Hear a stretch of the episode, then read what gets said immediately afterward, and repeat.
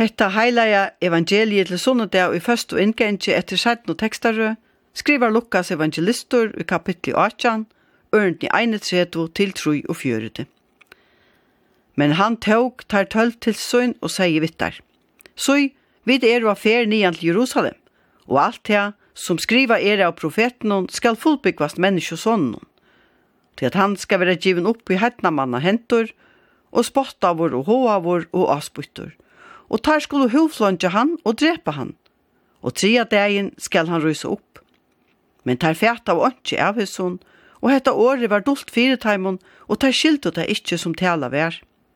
Men tar bær så å, at tar jeg narska i Jericho, at tar sæt ein blindur med over ved vegen og bytta i. Og tar han hørt gjerne fjölda fölkje genga fram vi, spurte han hva dette vær. Tei søtte honom at Jesus ur Nazaret kom fram vi og han tåg a råpa og seie, Jesus, sonur Davids, miskunna mer. Og de som gingo undan høtta og ert honom, at han skulle tia. Men han råpa i neggfærare, sonur Davids, miskunna mer. Ta stekka i Jesus og bei, at han skulle vera leitur til søgn. Og ta han var kommet tatt til hans herra, spurte han han og seie, Kvært vilt du at jeg skal gjera fyrir det? Men han seie, Herre, til at jeg må få sjøen min atter. Og Jesus sier vi han, Fage to sjøvnene, trygg tøyen hever frelste. Og i stundene fikk han sjøvnen atter, og han fyllte hånden og prysa i gode, og alt følte lova i gode, ta i deg hetta søv. Og i morgen er sunnedagur i første og inngengje, byrjanen til førstene. Og tå så er det ikkje fyrir mikedegin øskodeg at det av olvara byrjar. Manadagen er varsledavur vi tunnusløying mengastane som gammalt er. Og torsdagen er gamla grøylekvöldi som de røpte det. Her bøtt genga grøylekløtt middelen husana og bytta seg okkurs godt under tonnene. Alt hever søgna tøy, og fastan er ein særlig tøy, her høvi er at hushavna seg om anna enn dagliga trom rommet vi arbeid og atlanon om alt det, vi så fegin vilja røkka, åttan og hugsa om okkara salarli og helso, salar fri og godstrygg.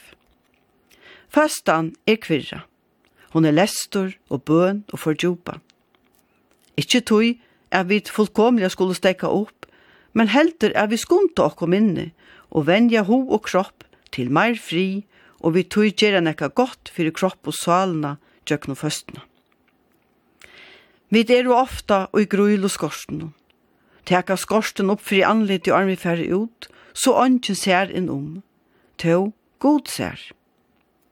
Nå kan skorsten være lagt til viks, og anlit okkara søgnast, som ta verelige er. Vi kunne vi øren åren letja nyer verslet sinne, og byggva gjørstene til som er eit av evnen er prætika iver i morgen. Teksteren til sunnet er i første og ber sjolvande på om lojeng og deia Jesu. Jesus og vi als folk hans herra levde i øvis og øtta, så mong eisne gjerra til i det, nu krutsk og eurattor og hunker og hall, seta dama tilverna tja mongon menneskjon i heimnum. Vi høyre eisne i teksten om ein, som hever kjent av egnom kroppe hvordan det er av er utanfyre, fyrir vannbøyte, og kanskje pura glemtur, som ødel og i krigsherja og i økjennom må no kjenne seg. Det er blinde bittaren. Han er av mengan hatt seljur. Det han gjevst ikkje er råpa, hevast han ikkje ser, og helst ikkje veit hvor så lengt borster Jesus er. Han gjever ikkje opp, men heldur å, er råpa til han vil hortur og sattur. Vi kunne sija at hin blinde ser høvast han ikkje hever sjånene. Han ser at her er ein som kan hjelpe honom, og han tror, og hetta gjer at han fer sjånen atter. Trygg tøyen hever frelste. Tryggven ser man vi einon året fra Jesus er det som skal til. Og vi kunne kanskje høskande spurt kvært man skulle ha til for jeg vet atter kunne få fri i Europa og i Miestre. Hetta kan eisne vera eitt tema i prætikene i morgen. Ein annar tottur i kærleikin, som er pistelen vi teksten om tja Paulus ber bo om. Kærleikin, hetta selja og avskiljande firebrygte som kan bjarga okkur fra mongo. Ty kærleikin er autømande og autemjande, og kanskje er det just tøy at vi tar glømt at elska god og nastan og at hæter og klanter og hevesjúk og årenheit vinna frema manna mittlum. Tøy vi hava glemt at suttja og hugsa vi hjertan. Vi har prætika gos kærleika til menneskjo og bøyene fra Jesus i om at vi eisen skulle elska god og nastan, kunne vi kanska venta hoan og tjavalsherren og borster fra egen kærleika og hætre, så teir og vit finna ærakjøs, etla teka anna skinnumbek.